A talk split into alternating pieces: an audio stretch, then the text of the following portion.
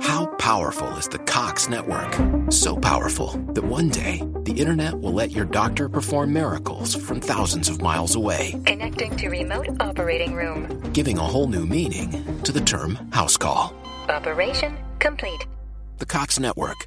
With gig speeds everywhere, it's internet built for tomorrow, today. Cox, bringing us closer. In Cox serviceable areas, speeds vary and are not guaranteed. Cox terms apply, other restrictions may apply.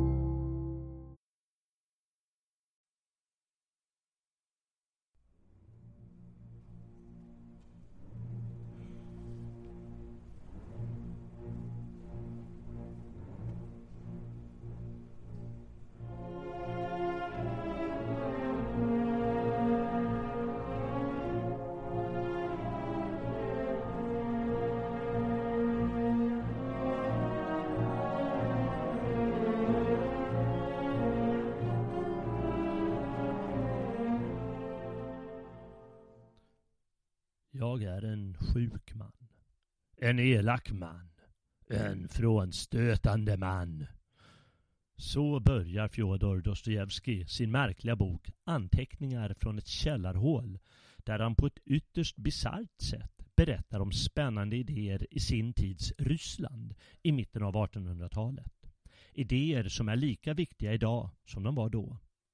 Kärnan är en kritik av arvet från upplysningstiden en alltför optimistisk och därför högmodig tro på människan, det rationella tänkandet, tekniken, samhället och framtiden. Idel progressiva idéer som går under namnet Kristallpalatset i boken. Ryssland ligger med ena foten i Europa och andra i Asien och ryssarna har aldrig sett sig som helt europeiska. Men de europeiska idéerna på 1700 och 1800-talet hade en våldsam inverkan på ryskt idé och samhällsliv i mitten av 1800-talet. Den spänning som uppstod mellan traditionellt ryskt liv och de nya impulserna från Västeuropa skildras av landets stora författare. Bland annat Ivan Turgenev, Lev Tolstoj, Fjodor Dostojevskij och Anton Tjechov. Ofta anlägger de ett konservativt perspektiv. Tolstoj och de andra ryssarna lästes i sin tur i hela Europa och inspirerade åtskilliga västeuropeiska författare. Europeisk litteratur hade inte varit vad den är utan Dostojevskij och kompani. Just Dostojevskij är ämnet för dagen. Välkommen till dagens stigvandring med ett initierat samtal om Fjodor Dostojevskij och hans bok Anteckningar från ett källarhål med mig, Jalle Horn och med Robin Holmgren.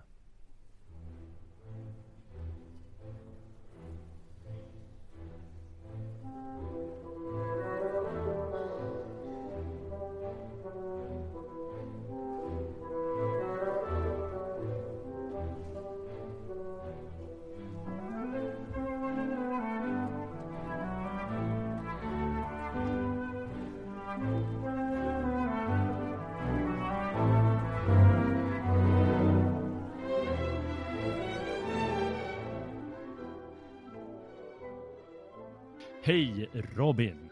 Tjenare! Mm, det är jag som är Batman ser du. Är det du som är Batman? Ja, du är ju Robin. Jaha, ja, vad roligt. Ja. Den har jag aldrig hört. Ja, väldigt. det har du aldrig hört? Nej, nej, nej. Inte Robin Hood heller. Nej, nej, aldrig. Ja, då ska du veta vad jag har hört eller inte hört snarare. Ja, det får vi väl ta i ett annat program. Ja. Men på tal om namn, va? du vill ju ha eh, ett annat namn eh, först eh, som du kom med förslag till mig, nämligen Solzhenitsyn. Yes. Men nu hade jag inte de böckerna du föreslog i bokhyllan eh, och då var jag tvungen att föreslå något tillbaka och då fick du Dostojevskij. Precis, och tack så hemskt mycket. Ja, ja, jag tänkte att det kunde inte vara helt dåligt, eh, i alla fall inte om man går efter eh, hur kända personerna är. Och för övrigt, Dostojevskij, han satt också i Sibirien och skrev en bok om det hela. Ja, jag blev lite intresserad av att faktiskt eh, köpa den och läsa. Eh, för jag tycker Mm. Solzhenitsyn är otroligt bra. Han är ju Ja. litteraturens första boomer, tycker jag. Eh, Första boomer. ja. de, de som läser, vad heter det, Gulag-arkipelagen kommer att förstå precis vad jag menar. Okej, okay, jag, jag har inte läst den så jag, mm. jag kan inte riktigt komma på. Ja. ja. då har du någonting att bita i framöver då. Men eh, mm. kanske är det så att eh, han är väldigt färgad av Dostojevskij, i alla fall av, av arvet från Dostojevskij. Eh. Ja, det är väl de flesta ryska författarna ja, efter Dostojevskij, eller i alla fall på 1900-talet. Eh. Mm. Uh, inte minst på grund av hans idé om liksom, den ryska människan som vi kommer ja. komma in på lite grann. Som ja, ryssarna alltid har definierat sig lite, liksom tagit avstånd från Västeuropa och definierat sig lite annorlunda. Och det är ju en, en uh, viktig del av Dostojevskijs idéer. Ja, det, det, är lite lustigt det där. Um, när jag läste om vad Dostojevskij sa om det ryska folket och om sin upplevelse mm. just i, i Sibirien så mm. rimmar det väldigt väl med hur Solzhenitsyn eh, betraktar sin eh, historia i Gulagläger. Då. Eh, mm. och de båda två nämner då att de har lärt känna sitt folk på ett helt annat sätt. Eh, ja, just det. Det är väldigt intressant, även fast det är, vad är det, hundra år som skiljer dem emellan. Ja, det är det verkligen. Ja, ja, han har spelat i alla fall stor roll, för, givetvis för ryssarna och även för västeuropeerna och det gäller ju lika mycket, eller kanske ännu mer för, för Tolstoj som är lite mm. av en motpol. Alltså de, de tänker ganska, i vissa frågor tycker de samma sak när det gäller så religion, religion och, och, den ryska människan. Mm. Så liknar de lite varandra, men de är ju sina, varandras motsatser när det gäller deras liv och eh, eh, lite hur de skriver också. Mm. Men så är det va. Eh, vi kommer komma lite mer på, in på kanske stil och, och lite sådär när vi går igenom eh, Dostojevskij och hans böcker och framförallt den boken vi ska handla, eh, ta upp idag, nämligen anteckningar från källarhålet. Mm. Ja, men eh, vi ska ta lite om hans liv tänkte jag, för det är ganska, på, på vissa punkter väldigt speciellt och, och spännande och intressant. Eh, eh, och redan i barndomen blev det ju särskilt i och med att fadern var en jobbig typ, en mycket hemsk människa. Som de hade väl flera barn antar jag, och stackars modern, hon eh, liksom dog ju redan vid unga år, så här, mellan 35 och 40 eh, på grund av alla barn och allt jobb och sin besvärliga man. Han, eh, de var lågadliga, hans ett, och han ville väl göra sig lite av ett namn och skaffade sig ett sånt här eh, gods. Och I Ryssland räknade man, eh, ska man säga, hur, eh, hur högt upp man är på samhällsskalan genom antalet livegna man ägde. Och då så det här godset hade ett par hundra så här, livegna. Det är helt absurt tycker vi idag, men ja, det var så det var i alla fall. Livegna bönder. Och eh, där, eh, när hustrun eh, väl dog, då plågade de här bönderna full, så mycket det gick och våldtog kvinnorna och härjade tills de till slutligen slog ihjäl honom, gubben. Och eh, då tror jag att Dostojevskij själv, och han hade en bror också, eh, brodern var på internatskola eh, någonstans. Men i alla fall, då blev han faderslös och det blev väl andra släktingar som liksom fick se till att det gick vidare med skola och liv och allt vad det blev. Och stor del bodde han då i Moskva eller här i tonåren Eh, och han är känd då som en stadsskildrare till, till skillnad från många andra vid den här tiden. Som han, han är väldigt tidig med att skildra stadens människor, särskilt, särskilt de utslagna och så här, vet, sjaskiga hak och sådär. Eh, han, eh, under hans barn och ungdom, då ägnade han tiden mest åt läsning. Och det är ofta så med stora författare att de har faktiskt läst väldigt, väldigt mycket redan i barn och ungdomen. Eh, och eh, även när han var på så här internat och eh, internatskolor och så. Och han försökte med skriverier givetvis och han fick kontakt med lite ledande författare och därigenom böcker utgivna eh, där när han var runt 20 så. En av de mest kända från hans ungdomsperiod är en bok som heter Dubbelgångaren. Den använder då det här dubbelgångartemat som hade varit populär när han skrev den på 1840-talet, kanske i 50 år ungefär, mm. med några olika böcker. Eh, men han har lite andra prägel, han liksom är mer psykologiskt eh, inriktad. Eh, han var blyg, han var tafatt eh, och då går man inte hem i de här lite salongerna. Man träffades ju i så här olika kotterier och, och salonger och läste upp och träffade damer och sådär. Samtidigt var han lite självupptagen och högfärdig på, ditt sättet, eh, på, på sitt sätt. Och så var han spelberoende. Mycket spelberoende satte sin prägel på hans liv, stora delar av det. Och så hade han också utvecklat så småningom nu också epilepsi. Som förstås var väldigt besvärande. Men samtidigt så gillade han det till viss del, eh, alltså med en särskild grej, och det var att eh, eh, strax före anfallen, då fick han nästan som ett sorts rus, eh, en, liksom en salig känsla och så, som, som grep tag i honom. Och sen så kom epileptiska anfallet och så blev det lite darrningar och sådär. Och så gick väl det över. Så det var liksom både plus och minus på den fronten.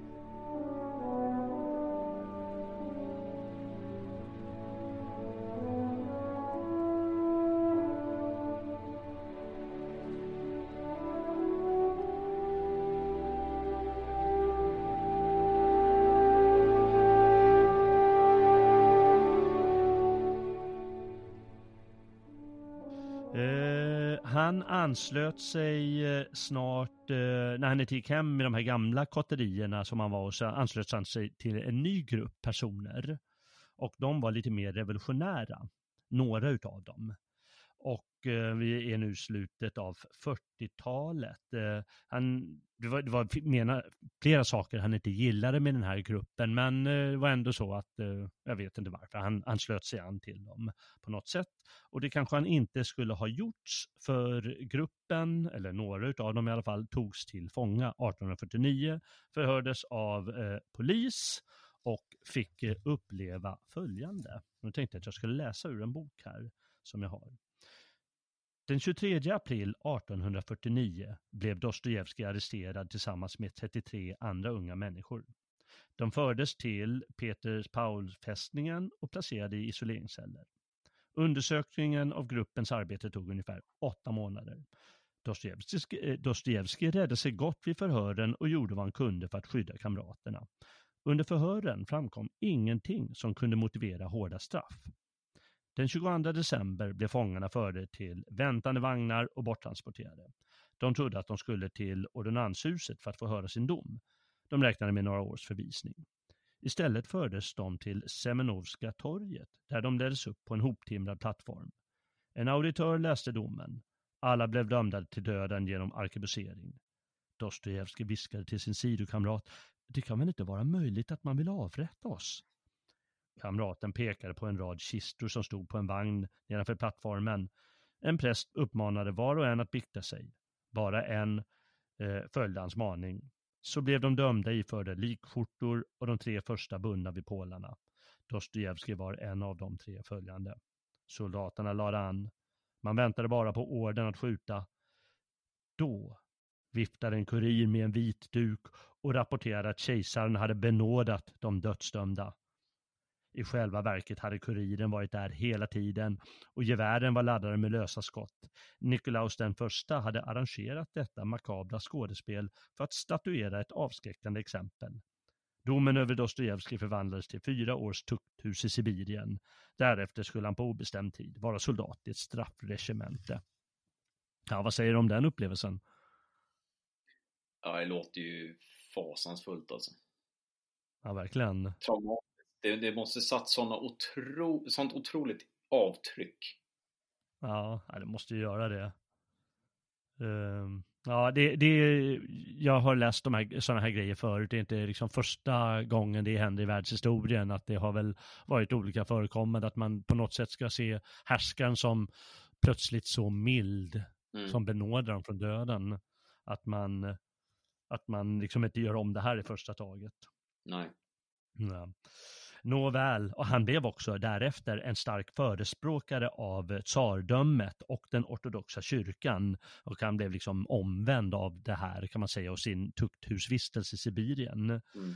Lidandet hamnade i centrum av hans tänkande på ett annat sätt och eh, han tog avstånd då från de här idéerna som kom väldigt starkt från Västeuropa under mitten av 1800-talet till Ryssland. Mm. Eh, ja, om politisk befrielse och, och, liknande saker. Vetenskap, liberalism, upplysning och så vidare. Ja, materialismen också, alltså det, det är väldigt centralt det tycker jag. Ja, det är det.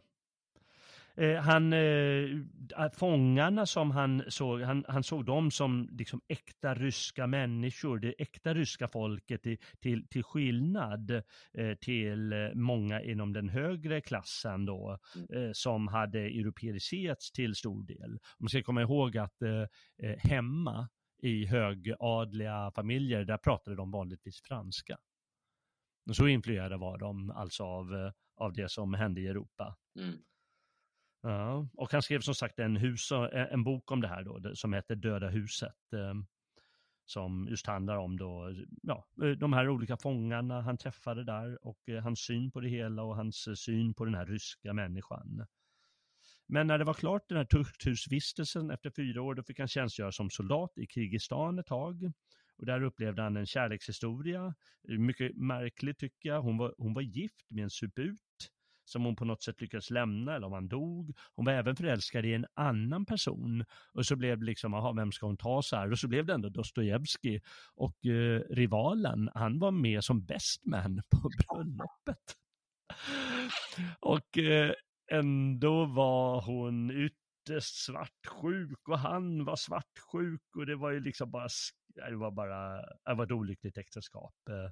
Eh, bland annat på grund av de här svartsjukehistorierna och hon dog senare i tuberkulos och då hade de redan faktiskt börjat glida ifrån varandra. Mm.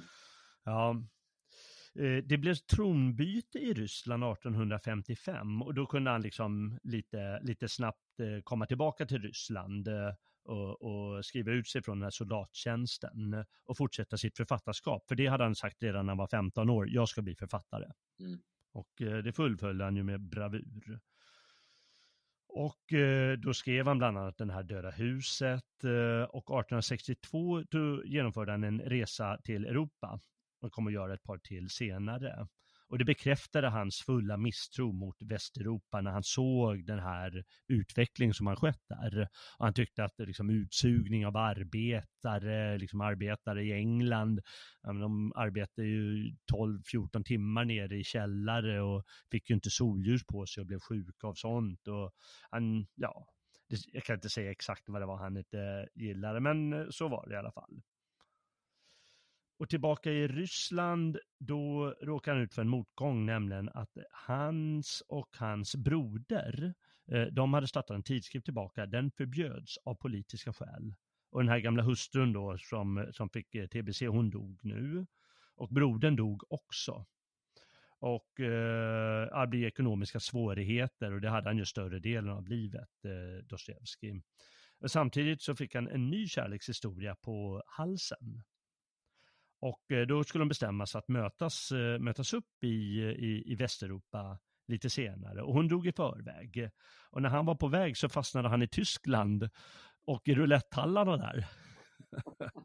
och spelade bort alla sina pengar för 74 gången eller någonting.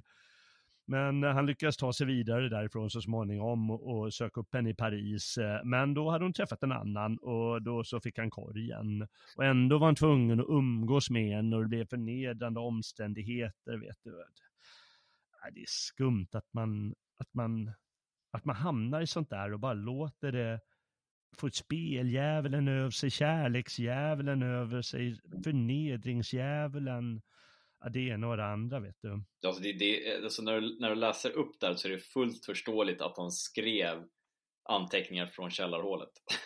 Ja, just det kan man fatta va? ja. Och under den här perioden skrev han just också det här, eh, den här källarhålshistorien som vi ska ta upp snart, eh, som blev lite av en dom över hans ungdom, då han hade var så här idealistisk och, och från den här förnuftsdyrkan som, som hade kommit in i eh, Ryssland från Västeuropa eh, man brukar kalla dem, nihilisterna brukar de kallas i, i Ryssland och vi ska prata lite om det Mm. eh, allt eftersom. Den här framtidsvisionen som man i boken kallar kristallpalatset, idén om kristallpalatset. Eh, eh, och eh, så beslutar han sig att använda en riktig antihjälte som språkrör. Det, det kommer vi märka av.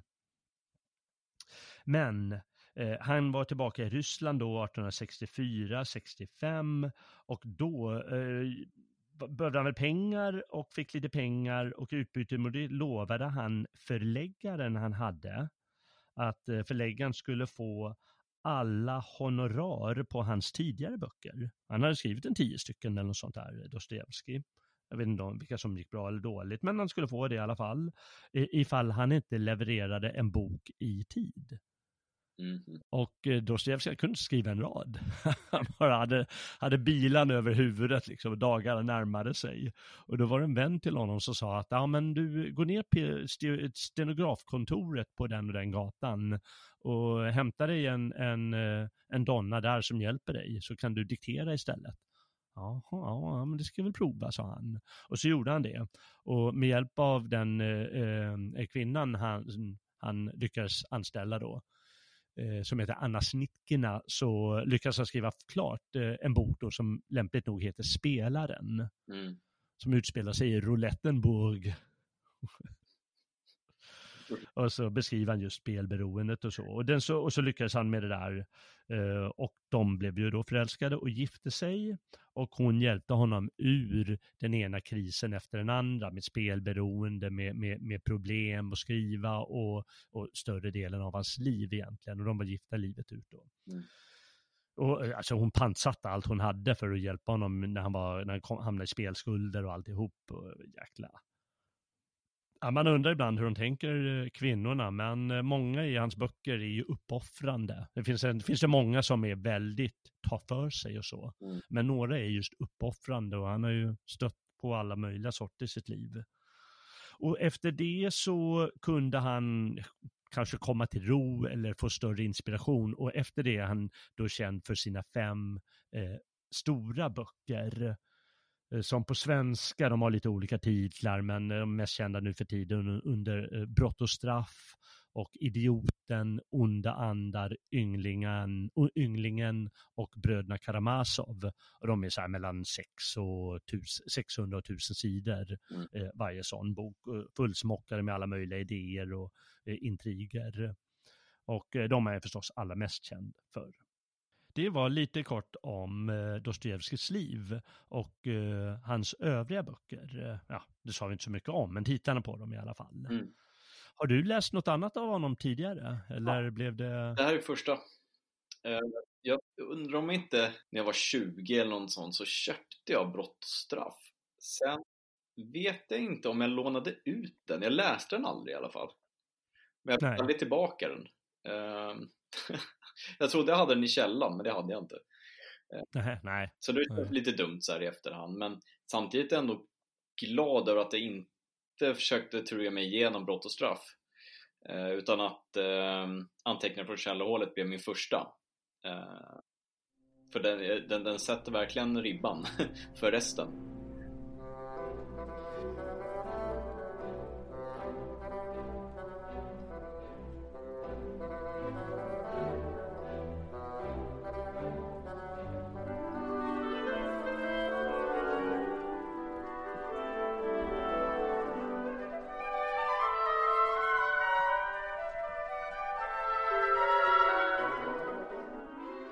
Vi ska, jag ska väl säga någonting innan vi går in eh, på just den här boken. Eh, Så bara en, en viktig sak är då de idéer som florerade i Ryssland där i mitten av 1800-talet. Eh, Och en, en nyckelroman, egentligen är nyckelroman ett annat begrepp, men vi kallar det här, en, en viktig roman i det sammanhanget är en bok som heter Fäder och söner, som handlar just om generationsuppror. Mm. Och huvudpersonen, eller en av huvudpersonerna i den boken, han är en så kallad nihilist.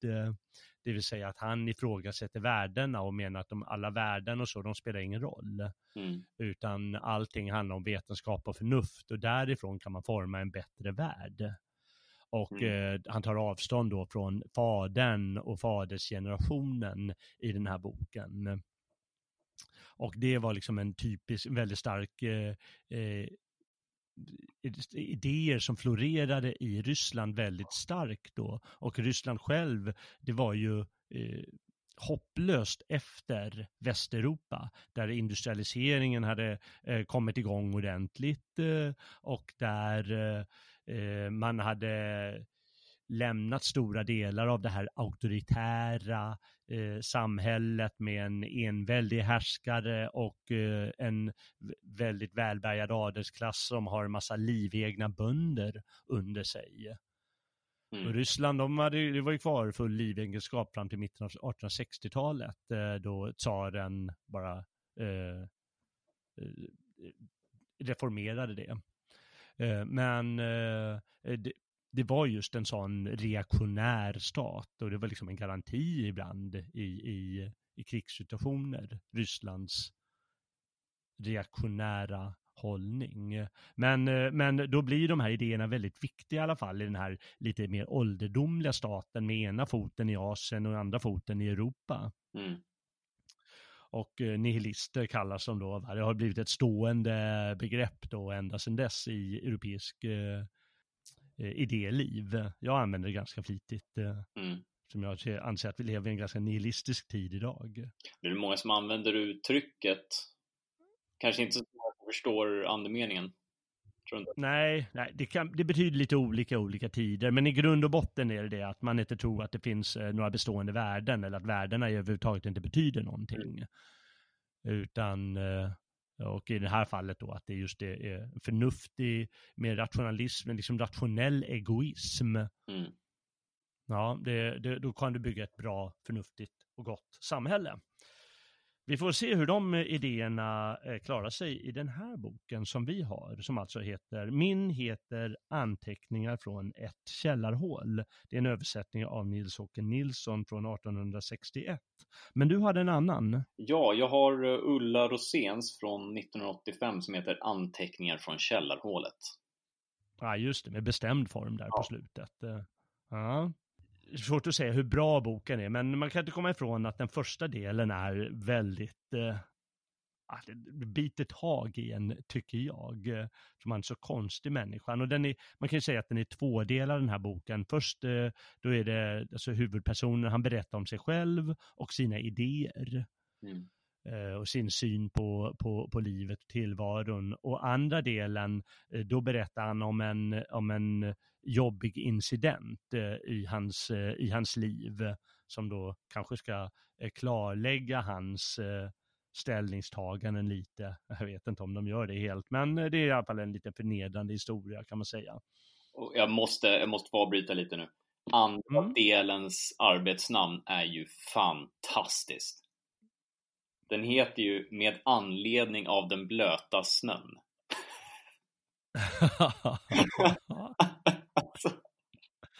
Ja, det är bra. det är så jäkla magiskt. Ja, det är det verkligen. Ja, ja. Det tror jag inte står i min översättning. Det är roligt att du säger Ja. det. Ja. Det är roligt också i, sam i sammanhanget, alltså i, i, när han förklarar det där, då, alltså i brytpunkten Mm. till den nya boken, till den andra delen. Det, är- nej, det är så fantastiskt. Ja, just det. Ja. Ja. Jo, med anledning av den våta snön står det här när, när du säger det. Mm. Ja, just det. Jag vet inte riktigt var vi ska börja här. Du kan väl, du kan väl komma med dina, med, med, med några eh, intressanta punkter. Det väl bästa är väl att börja lite i den första delen där han just berättar om sig själv och sin syn på tillvaron. Ja, alltså jag- jag vill börja med att säga att första delen, första kapitlet kan man väl säga, Mm. eh, är bland de bästa första kapitlerna jag någonsin läst. Mm.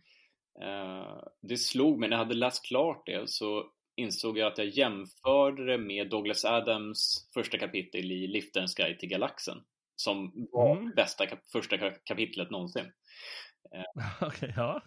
Och jag, jag, jag alltså, jag såg verkligen fram emot att läsa den här boken.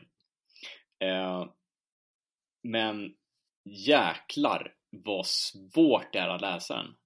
um, den, den är så intensiv och så engagerande och samtidigt som den röda tråden hela tiden finns där så är den så otroligt spretig. Uh, och det har att göra med just huvudkaraktärens jag, vet inte ens hur jag ska beskriva det. Uh, Karn är galen. Han är helt galen, ja. Alltså det är så ostrukturerat så jag, alltså jag, det, det blir svårt att läsa den. Han, eh, han har ju väldigt eh, stort behov av att eh, säga emot sig själv. Ja. Och dra fram sina plågor och han blir så upphetsad när han börjar komma igång på det så att säga. Så att han säger här, jag har sidan tre i, i min bok här, Mm. så pratar han om vem lever mer än 40 år? Och så fortsätter jag. Ska, jag säger det rakt i ansiktet på hela världen. Jag har rätt att säga det, därför att jag kommer själv att leva tills jag blir 60. Till 70 kommer jag att leva. Tills 80 kommer jag att leva. Vänta, låt mig hämta andan. Att han börjar skälla ut läsarna och, och vem vet, och han hetsar upp sig där och han börjar motsäga sig själv och han... Ja, det är fascinerande. Eh, Eller när han eh, skriver om tandvärk. Ja. Jag ber er mitt herrskap, lyssna någon gång till stönandena från en upplyst människa av det 19 århundradet som lider av tandvärk och lägg märke till hur hon på sjukdomens andra eller tredje dag inte längre stönar på samma sätt som på den första dagen. Det vill säga, hon stönar inte längre enbart på grund av att hennes tänder värker, inte som en vanlig enkel bonde skulle stöna, utan hon stönar som en människa som utsatts för bildning och för den europeiska civilisationen, som en människa som lösryckt sig från torvan och från sitt folkliga ursprung, som man uttrycker det nu för tiden. Hennes stönanden får en vedervärdig ton av lågsinnad ondska och det fortsätter i dagar och nätter. Hon vet ju själv att hennes stönande inte hjälper henne på något sätt. Bättre än någon annan vet hon att hon till absolut ingen nytta plågar och irriterar sig själv och andra med sin utbrott.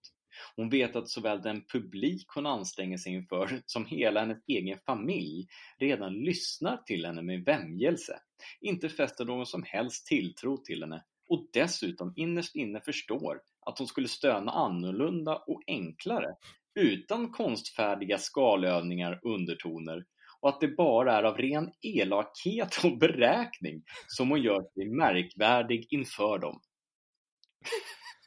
Alltså, ja, han, är- han är komplett galen som du säger. alltså det här är, jag, alltså jag, jag förstår verkligen varför han anses vara en av de bästa författarna.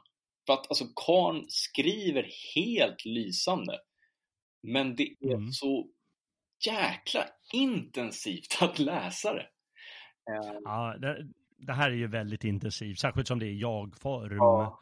Och eh, han har det här bekännelsebehovet. Eh, ja.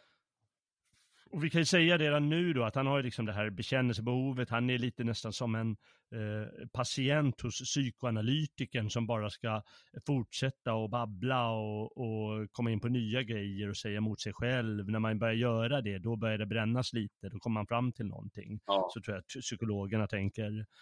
Och han, eh, eh, en grundläggande idé, det är ju att han har insett att den här väst, som man kallar det västerländska idén Mm. om kristallpalatset och, och förnuftet och logiken och det, eh, det är ohållbart. Eh, Mm. eh, människan kommer till slut att eh, gå emot det som är gott för henne och hellre välja det som är dåligt för henne. ja och, För att hon inte uthärdar. Hon blir som den här tandvärkshistorien du just drog upp. och, och det, det är också så spännande för att han i, i, den första delen så alltså han, han blandar ju alltså ehm, människans innersta, det, det djupaste, det här lidandet Mm. Men hans referensramar hamnar ju någonstans i tandvärk och röstläge. Och alltså det blir som en sån, sån galen kompott av att för, för att förklara människans drifter så drar han fram de mest bizarra, enkla anledningar till att liksom Ja, lägga som en logisk grund för sitt resonemang. Ja, Så det är otroligt Det är ganska- fängslande. ja det blir ganska bra att göra för det blir så, det blir som du säger lite konstigt för oss. Men antagligen var det i mitten av 1800-talet fortfarande, ja, men tandvärk det var liksom en jäkligt jobbig grej som många råkade ut för. Bevisligen. det går ju bara att gå till tandläkaren till slut och han tar fram hästtången och, och lyckas dra ut skiten till slut ordentligt. Eh, nu går ju bara till tandläkaren, tar en spruta och så fifflar han lite såklart. Ja, och så blir skuldsatt. Ja, ja, precis. Ja. Ja. ja det, det, är speciellt. Han, han, går igenom många grejer. Han, vi kan ju ta det här med namnet, vadå källarhålet? Men han, han säger att han har låst, ner, han låst in sig i, i en källare och eh, ger blanka fan i resten av samhället mer eller mindre och sitter där nere och tuggar fradga ungefär med sin tandverk. Eh, och han är då den, den sorten som har varit den här analytiska personen, som den här logiska personen, ja. varit den här eh, västerländska förnuftsmänniskan eh, och eh, liksom varit del av idén om kristallpalatset, som vi snart kan säga vad det, vad det betyder, var det kommer ifrån. Eh, och, men sen har uppenbarligen har, har det slagit slint någonstans eh, och han kan inte vara det längre. Och han kommer fram till att människan, hon, hon måste med sin vilja då välja, kommer välja det dåliga, ungefär som att han har valt att gå ner i källaren och, mm. och, och hålla på med sina självbekännelser och bara vara jobbig typ där nere. Ja, han är, det, det, alltså han, han förklarar hur mycket han föraktar 2 plus 2 är 4. Ja. För att egentligen så, så alltså du, du har rätten att säga att det är 5. Just det. Uh, och det, det, är väldigt spännande när, när, man, när man, alltså, oh, han skriver det så himla konstigt. Uh, men men det, det ligger verkligen ett, ett djupare filosofiska tankar bakom det han skriver. Men mm. mycket av det förstår man nästan först efter att man har läst boken. Eller hört den på, på ljudbok. Det, det finns en jättebra berättare på Youtube. Eh, ah, kul. Eh, så jag läste den på svenska och så lyssnade jag på den på engelska. Ah, ja, ah, vad bra. Ja. ja. det måste ju vara underbart att få vara berättarrösten där. Ja, det, och det var perfekt. Det var en gubbröst, vet du. Det var Aha. kanon. Um, så att det, det, finns så himla mycket intressant här som man kan reflektera över. Och ja. del också känna igen och kanske hålla med om. Mm. Men ändå så är han så pass provokativ. Mycket. Att det, det, man, man stör sig på honom. Alltså genuint ja. ogillar den här människan. Boken börjar ju också på, i, i, min översättning här, jag är en sjuk man, en elak man, en frånstötande man. Jag tror att det är en levnadssjukdom jag har. Men det som är intressant med den här, han är ju en antihjälte uppenbarligen ja, och eh, han, han är ju givetvis målat upp honom så med flit. Mm. Det är att han ändå säger, tycker jag, alltså jag ska redan säga här, jag, jag, har skrivit i våra anteckningar här att han liknar i, till viss del vår tids PK-nissar, ser jag, den här liksom, sjuklighet och viljan till det dåliga och den här motstridigheten, mm. ovanan vid verkligheten och att han inte förstår verkligheten och eh, allt snack som de pratar om moral och kärlek idag, det är ju bara falskt. Det som PK-nissan och etablissemanget gör idag, det är det betyder ju ingenting. Eller demokrati eller vad vi vill ha och fred. Och de snackar bara. De vet inte vad det är. Och det påminner om honom väldigt mycket tycker jag. Eller han påminner om dem. Men samtidigt så säger han intressanta saker. Hela den här grejen med eh, det överdrivna förnuftet. Eh, eh liksom att vi ska leva i ett sorts vet, matematiskt perfekt samhälle. Eller som han, han säger i, i min översättning att det blir liksom en människa som är, är gjord ur en retort, det vill säga ett provrör. Mm. Och eh, säger att det blir en oduglig människa, blir dödfödda människor. Ja. Och då har den liksom ett, något intressant att komma, liksom, när människan blir ett provrörsbarn, då kommer hon bli viljelös och bara vara värdelöst kräk egentligen. Ja. och han förstår det. Samtidigt så, så tycker jag att han gör en väldigt stor åtskillnad mellan hur han vill agera och hur han agerar. Ja. Han, han, kan liksom förklara inombords sin, sin önskan att omfamna en kvinna till exempel. Mm. Men istället så vill han gå fram och slå henne i ansiktet. Så att hon ska mm. hata honom. Just det. Och det kommer ju fram i den här eh, förnedrande berättelsen ja. eh, som är andra delen. Det är som att eh, han, ha, han hatar, verkligen, alltså, från, från djupt av sitt hjärta hatar en, en, en av karaktärerna. Och han kan mm. ändå låna pengar för att kunna vara med på hans avskedsfest. för att lämna då någon sådär häftigt avslut. Så han, han visualiserar att han kommer att vinna det här. Men ja. det är såklart han inte gör. Och så ångrar han sig hela tiden. Men han är ändå... Alltså, han är verkligen definitionen av att gräva sin egen grav. Ja, verkligen. Och eh, han... Eh, han, eh, han, han blir ju en kontrast till det han kallar handlingsmänniskan. Ja. Som han eh, också retar sig på. Mm. Men på något sätt som ändå är ett det, det blir inte ett ideal i boken riktigt, men, men det är liksom en, en människa som kan agera kommer att eh, klara av tillvaron. Medan han då istället gräver ner sig istället. Han är liksom den analytiska människan som hela tiden säger jag vill gå och krama om den där eh, kvinnan men egentligen så går han fram och ger en örfil ungefär. Ja. Det blir liksom så det funkar, eller han vill göra det, men han klarar inte av att göra det heller. Att han klarar inte av att genomföra saker och ting. Och han beskriver den här handlingsmänniskan som att eh, när person, handlingsmänniskan kommer till en mur, ja, då ger han upp. Ja. Eh, Medan analytiska människan, undrar, ja men jag kan ifrågasätta det här. Alltså det, det här med muren, den ska inte besegra mig, det finns ingen mur kanske. Han tänker liksom hur, hur, hur, det skulle vara utan. Och den här muren, eh, så som jag tolkar det, är liksom, eh, ska jag säga, den moraliska världen. Mm. Jag, menar, vissa, jag måste ha vissa fundament i min moralåskådning. Det finns vissa tabun, vissa gränser för vad jag gör och kan göra. Och när jag håller mig inom dem och förstår dem, då kan jag agera i världen och handla.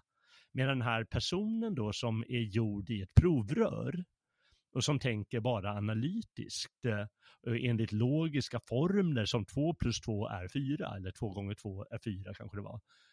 Då kan jag inte agera, då klarar jag inte av det. Mm. Det är lite så jag tolkar det.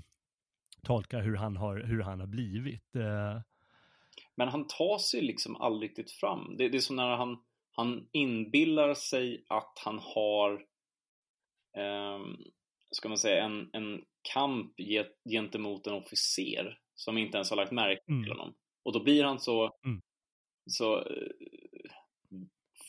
förbaskad över att den här officeren har, har stört honom eller liksom ja, varit otrevlig mot honom fast han inte ens lagt märke mm. till honom och då ska han då lägga resurser och tid, otroligt mycket tid och planering för att på något sätt hitta en möjlighet att hamna i konflikt, öppen konflikt den här officeren. Ja, Officeren vet ja. inte ens om vem man är.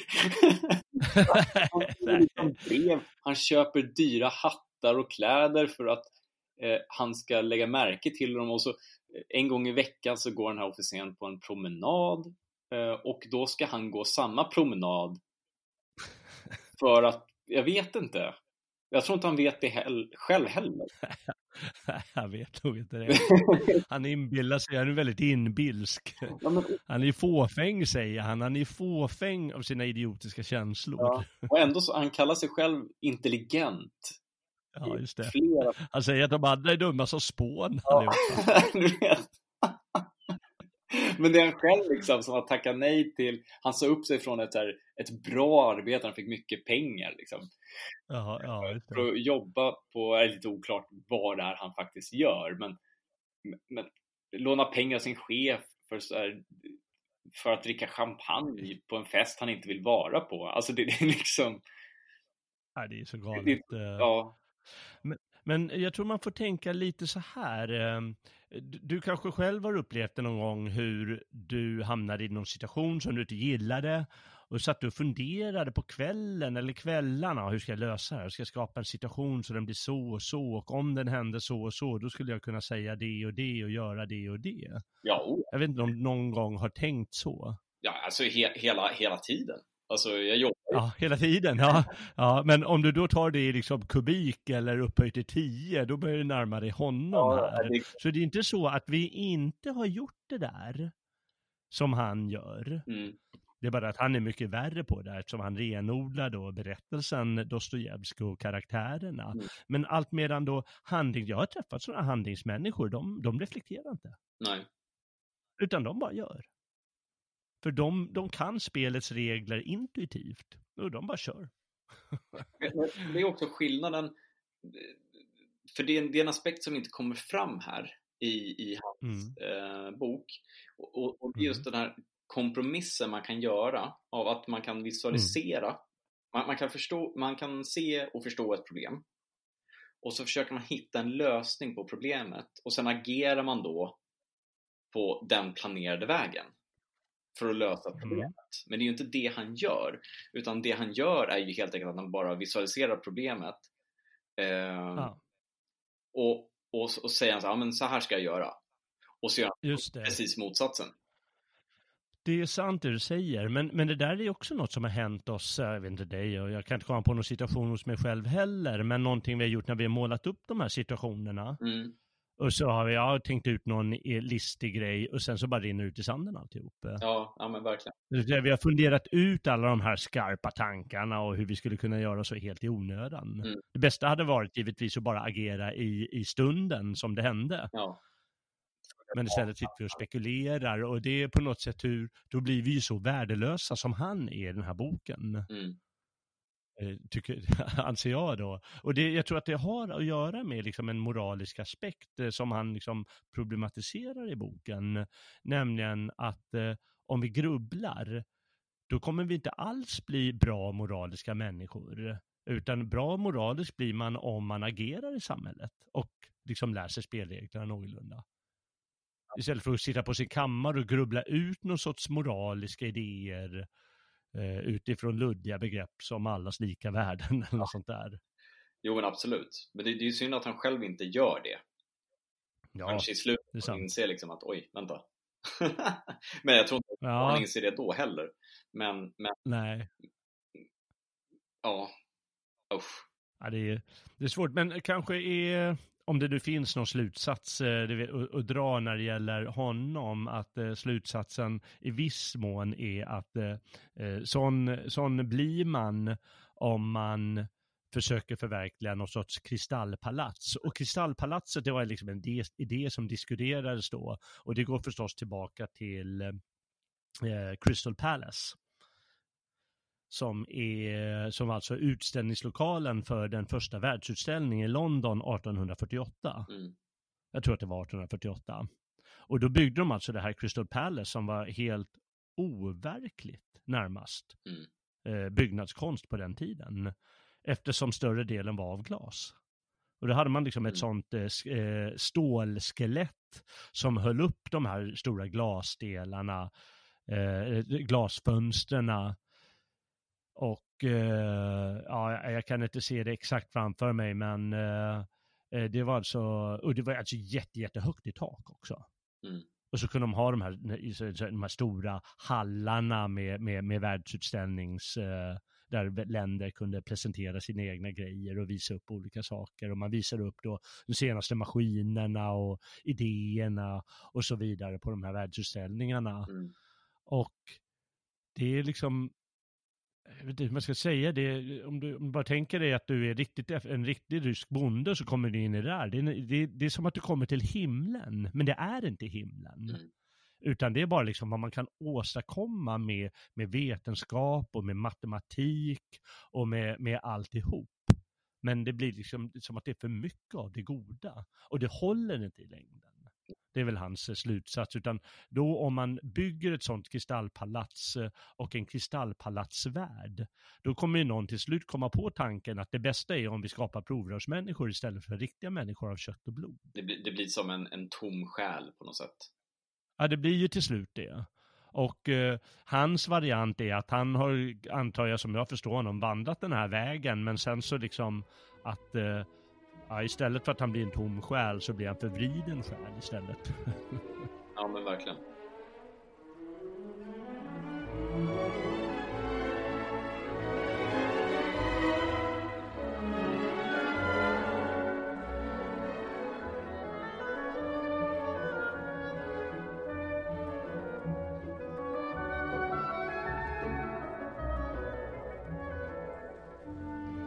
Många idéer. En, en sak som är, liksom, är, är den här nyttokalkylen och lyckokalkylen som görs. Det är ju liksom en egen eh, vad heter det, filosofisk gren som heter utilitarismen. Mm. Som, som just menar att man kan beräkna lycka. Och eh, vi har ju kända filosofer i Sverige, en av eh, mina stora hatobjekt, höll jag på att säga. Jag kommer inte ihåg namnet på honom längre. Han brukar skriva att eh, alla borde dopa sig i idrott och han är, tycker väl antagligen något där med kön, att det är könsuppdelning, det är helt meningslöst. Det är klart att eh, eh män kan eh, eh, tävla på kvinnornas eh, eh, grenar och, och så vidare. Är Han är ärkeutilitarist som menar att ja, men det spelar ingen roll det där. Och i slutändan handlar det bara om att få till den maximala lyckan. Mm i världen. Blir inte lite... Hur man nu ska räkna ut det. Blir inte lite så här Foucault överallt? Nej, Foucault är nog inte utilitarist, han är lite annorlunda. Ah, okay. Men de brukar ju vara så här beräkna, om man ska beräkna lyckan, hur ska, hur ska man göra det då? Mm. Och en viktig del av det hela är förstås nyttan och då menar de liksom hänger ihop med det här nya nyttosamhället som kommer, materialistiska nyttosamhället. Och någon gång på vägen så tappar man ju som du sa där, själen. Mm. Och själsligheten.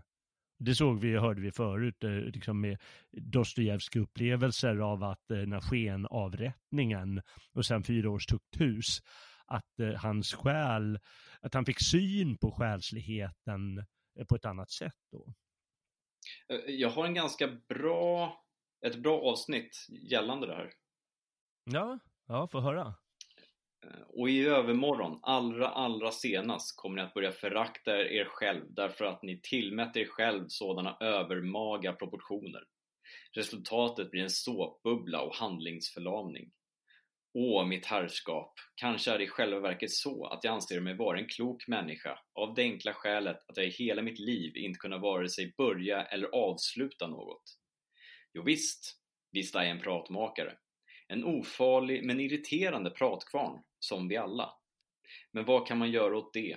Om det nu råkar vara så att varje klok människas omedelbara och enda predestination är just pladdret, det vill säga ett medvetet ösande från tomrum till tomrum. Mm. Just det. Det blir pladder. Mm. Och jag, eh, han, han säger faktiskt vagt på ett ställe, han drar inte ut konsekvenser av tanken, men, men jag, jag fick komma ihåg att jag läste den en gång för många år sedan skrev någon anteckning att eh, den här eh, kristallpalatsvärlden, där klarar inte människorna längre av att straffa eller hämnas. Mm. Eller göra något sånt. Eh, alltså när du, när du eh, råkar ut för en eh, moralisk dispyt, då kommer du vilja straffa förövaren. Mm eller samhället bör straffa förövaren. Och då kan du tänka på hur ser det svenska samhället ja. ut? Vi tror ju att vi har byggt Kristallpalatset och vi har slutat att bestraffa brottslingar. Ja, verkligen. Och det är ju en fara, då har man ju tappat något, precis som du läste upp här, mm. att det är något jag förlorar, en förmåga. Mm. Jag tycker det är intressant det där. Det, det är liksom ändå fascinerande till antihjälten som klarar av att, eh, att ge, förmedla de där idéerna ändå. Ja. Vad det är som har gått snett. Det, det är så lustigt för i, ehm, i bilen så lyssnade jag idag på en P3-dokumentär om eh, mm. Eh, när mördaren som mördade eh, någon Pernilla, eh, våldtäktsmord och så eh, mm. mördaren då den här tioåriga flickan Engla. Mm. Eh, och då, då slog det mig liksom att hur, för han dömdes ju till livstid då, då är frågan hur länge han Ja. sitter. Eh, men, men saken är ju den, han hade den här Pernilla exempelvis fått rätten att bära ett vapen och skydda sig själv. Kanske hon då hade kunnat dräpa en våldtäktsman, mördare, pedofil på en gång. Mm. Hade kanske själv sluppit att att mördas. Ja. Och han i sin tur hade inte kunnat förstöra livet för hundratals människor. Nej. Nej, precis. Och det är bara, och, och det, det här tillåter vi just på grund av det du, det du nämnde, det här kristallpalatset, att vi, vi inbillar oss om att vi lever i, i så här, supercivilisationen. Att det Ja, här är verkligen. målet för, för allt. Det är demokratin Ja. i dess nuvarande form. Och sen förändras ju den här demokratin lite från dag till dag liksom. Ja, man Jo, jo, jo, det är klart. Ja. och lite tvång där. Men, Ja. men, men i slutändan så är vi ändå maktlösa. ja, det är klart. Vi blir ju det. Ja, Och vad, vad, vad, har, man, vad har de här eh, domarna och, och, och politikerna, skapa lagarna, då, lagstiftarna och allting gjort med, med den här brottslingen? Jo, de har ju tagit från honom hans själslighet. mm, Nämligen hans skurkaktighet Ja. och hans vilja att dräpa. Och istället, säger de alltid att ja, men brottsli, brottsligheten det beror på socioekonomiska faktorer ja, till exempel. Istället för att det beror på någonting som jag har inom mig mm, när jag begår en brottslig handling. Och det jag har inom mig det är ju det, mitt själsliga jag. Men det tar de ifrån en när de bygger sina kristallpalats. mm, För det får ju inte vara där. Det blir ju för besvärligt att räkna med. Jaha, nej, men det, det är ju någon konstig vilja. Nej, nej, men det är bättre att vi ska kalla det socioekonomiska faktorer. Och då kan vi mildra straffen också. ja, Och så blir det förstås oskyldiga som, som i slutändan drabbas av det. ja, precis. Och så kan man ge människor andra Ja. chanser. Och så kan man ge människor andra chanser. Ja, ja, precis, hela tiden. Ja. Så man bara kan fortsätta att repetera sina misstag hela tiden. Och så kan man liksom inte acceptera Mm. att det finns riktigt dåliga människor. Ja, ja. Som inte har någonting ute bland alla oss andra att göra. Nej, verkligen inte. Nej. Och jag tycker det är fascinerande att, eh, att man, man får de där idéerna. Jag, det är jag som fick den där idén, men du har säkert fått en annan idé och, och tredje person har fått andra idéer. När man läser den här eh, ganska korta boken, den är på 120 sidor ungefär. Eh, min, min är på 120 sidor. Eh, och eh, om den här, den här skumma människan, den här veder, på många sätt vedervärdiga antimänniskan, eller antihjälten, så är det ändå så att han levererar en, eh, tycker jag då, en massa viktiga och intressanta tankar till en. Mm. Ja, oh ja. Ja. Och man, man snärjs ju. Det, det är nästan ännu knasigare att han är, han är som en sjuk och frånstötande man, men man kan inte låta bli att snärjas av honom. Man vill gärna höra vidare med hans jobbiga ana- självanalys och, och samhällsanalys och så. Man vill ju verkligen att han ska göra rätt och inte bara tänka. Nej, just Alltså det. det, för det är så, han är det, alltså han är, Dostojevskij är verkligen en fantastisk författare. Alltså han, han har skrivit så, alltså det, är- det är så lysande skrivet.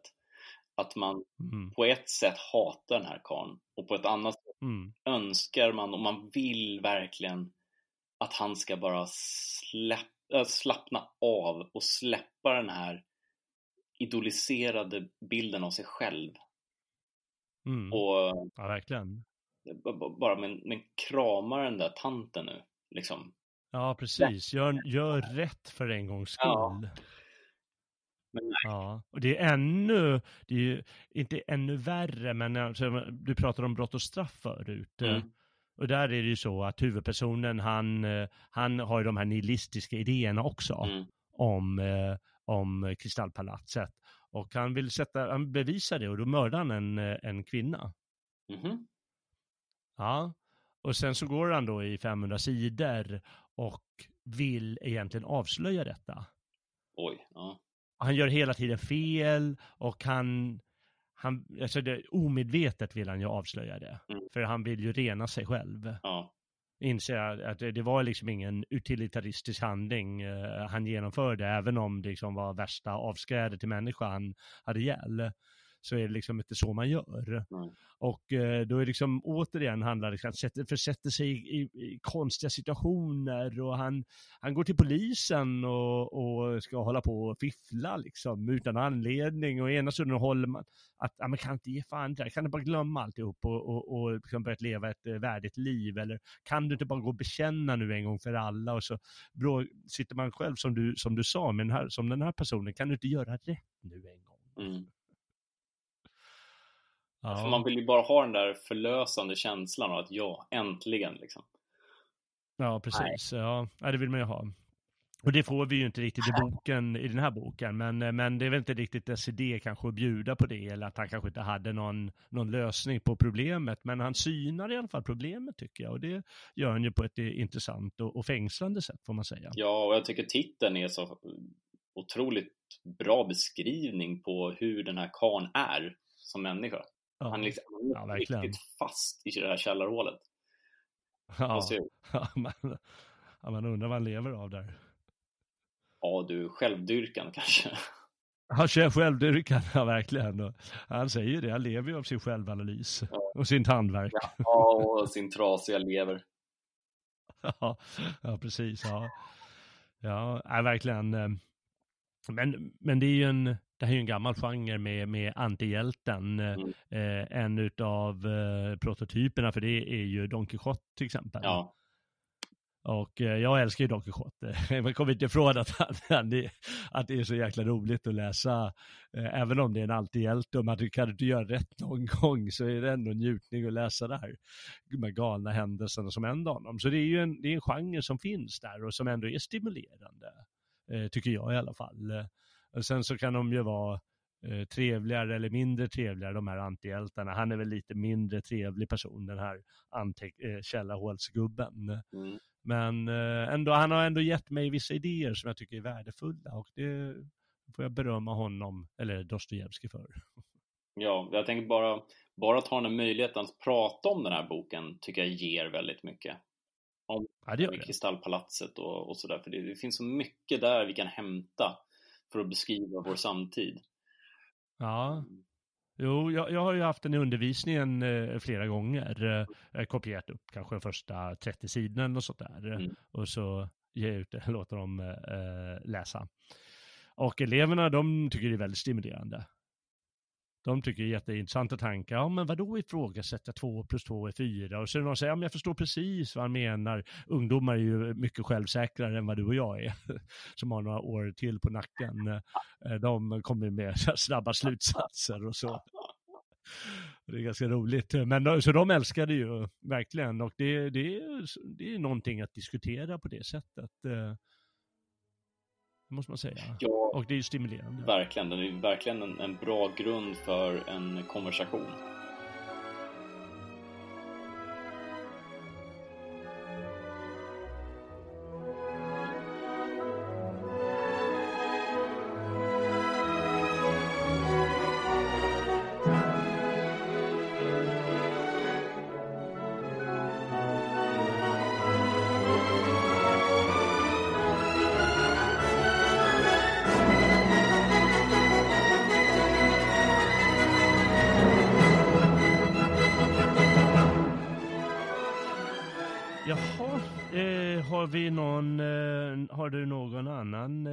Intressant, eh, kanske slutsats kan vi säga? För nu har vi faktiskt, eh, vi har nått upp till timmen, Ja. tro det eller ej.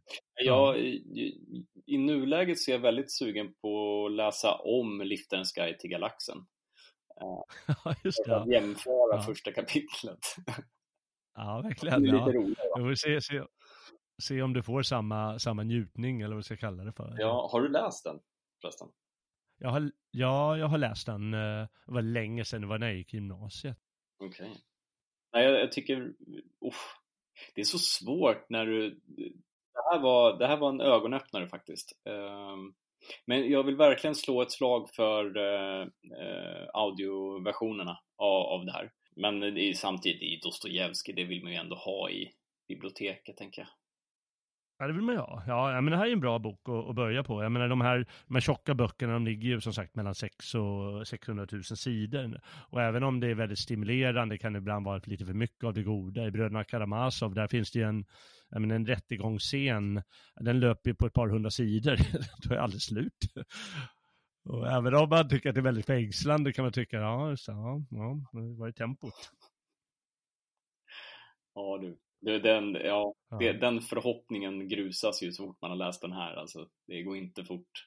Men det är i alla fall, i alla fall bara 120 sidor, så det ja. är inte eh, det är eviga resonemang. Eh, och eh, ja, ja, jag hoppas att eh, någon i alla fall har, eh, vad heter det, inspirerats eh, av de som har lyssnat och kanske tar sig, tar, tar, tar och och kollar upp boken och antingen går till biblioteket eller beställer den på Bokus eh, eh, eller sånt där. Och får sin upplevelse. Annars kan man alltid ta de här lite större böckerna och då är det väl eh, om någon ska ha tips för det så kanske det bästa är att börja med eh, Brott och straff. Den är, den är ändå bra, Brott och straff. Den, det får man ändå säga. Mm. Så det är annat ett tips. Men då, då får man ge sig kast med en eh, så här 600 sidor i alla fall. Men de är inte så svåra. Den här är lite svårare för att det är sådana diskussioner som är så liksom, energiska. Ja. Av den här lilla dåren där nere i källarhålet.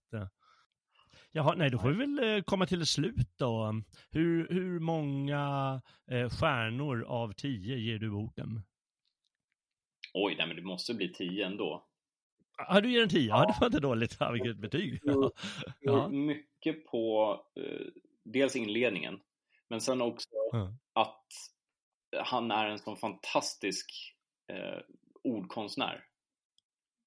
Mm. Alltså det, det, det, finns så många stycken där med att ösa från ett tomrum till ett annat tomrum. Alltså det finns sådana otroliga eh, beskrivningar eh, mm. verkligen har fastnat för. Och han lyckas verkligen skapa en otroligt intressant bok.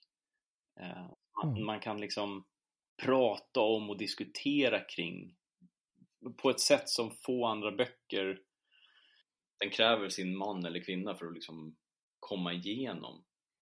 Utan att man fastnar. Jag tror det är, det är lätt så att många kan köpa den här boken och så har de liksom inte intresset av att verkligen förstå boken. Och om du inte har det intresset, då, då, är det, då, då ska du inte köpa boken. Så är det ju bara. Eh, nej, nej, det är sant. Den kräver mycket. Ja, det kan kräva lite. Det krävs ju att man vill tänka och fundera över de här grejerna han tar upp. Eh, annars, annars om man bara vill ha lite spännande handling, då nej, går det ju förstås inte. Det går inte. Den, eh. man, måste ju, man måste ju köpa det som händer i, i boken så att säga. Ja. Så, eh, annars så kan man lägga ifrån sig. Men det vet man ju nu om man har lyssnat på oss i alla fall. Ja, men precis. Det finns ett sätt att hantera det på, eh, som jag brukar använda. Ja. Eh, och det är att jag har en Warhammer 40 000 eh, roman vid sidan. Och så, jag, brukar, jag brukar läsa flera böcker samtidigt. Ja, det, ja. Bara det att jag, jag varierar liksom från kväll till kväll vad jag vill läsa. Och ibland läser jag alla två eller tre böckerna, så det, det kan ju bli lite kort mm. kanske. Men... Eh, ja, det, det, det går. Det, det, är många läsare som de läser på det sättet. Jag, jag har, brukar också ha flera igång samtidigt. Mm. Ibland dröjer det år innan man blir färdig med någon utav dem. Det är inte så jäkla lyckat. Man måste läsa klart när man har de här pluspoddarna, så det är ju bra. ja, just det. Ja, men då är det sant. Då har man ju bilen över sig. Annars blir man av med honoraret. Eh, Ja, nej, men det är sant. Det är det bästa med att, eh, att tvingas diskutera det. Ja, nej men det, det var en, eh, det tycker jag var en eh, väldigt trevlig diskussion och uh, uppenbarligen fick han bra betyg med sina tio stjärnor, Dostojevskij för sin källarmänniska. Ja, för den här gången vill jag tacka dig Robin för din fantastiska medverkan. Tack för att jag fick vara med. Superkul.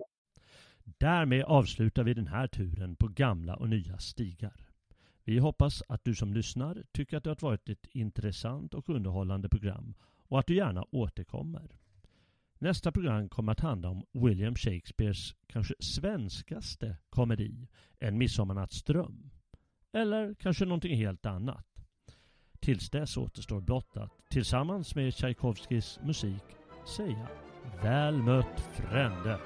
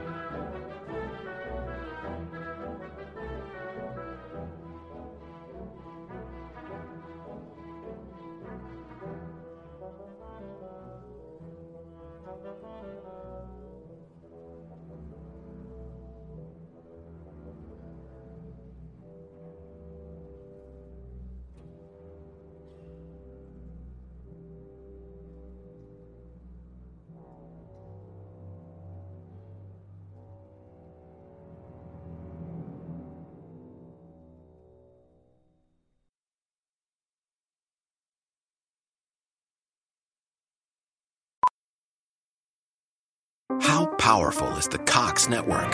So powerful that one day the internet will let your doctor perform miracles from thousands of miles away, Connecting to remote operating room. giving a whole new meaning to the term house call. Operation complete. The Cox network. With gig speeds everywhere, it's internet built for tomorrow, today. Cox, bringing us closer. In Cox serviceable areas, speeds vary and are not guaranteed. Cox terms apply, other restrictions may apply.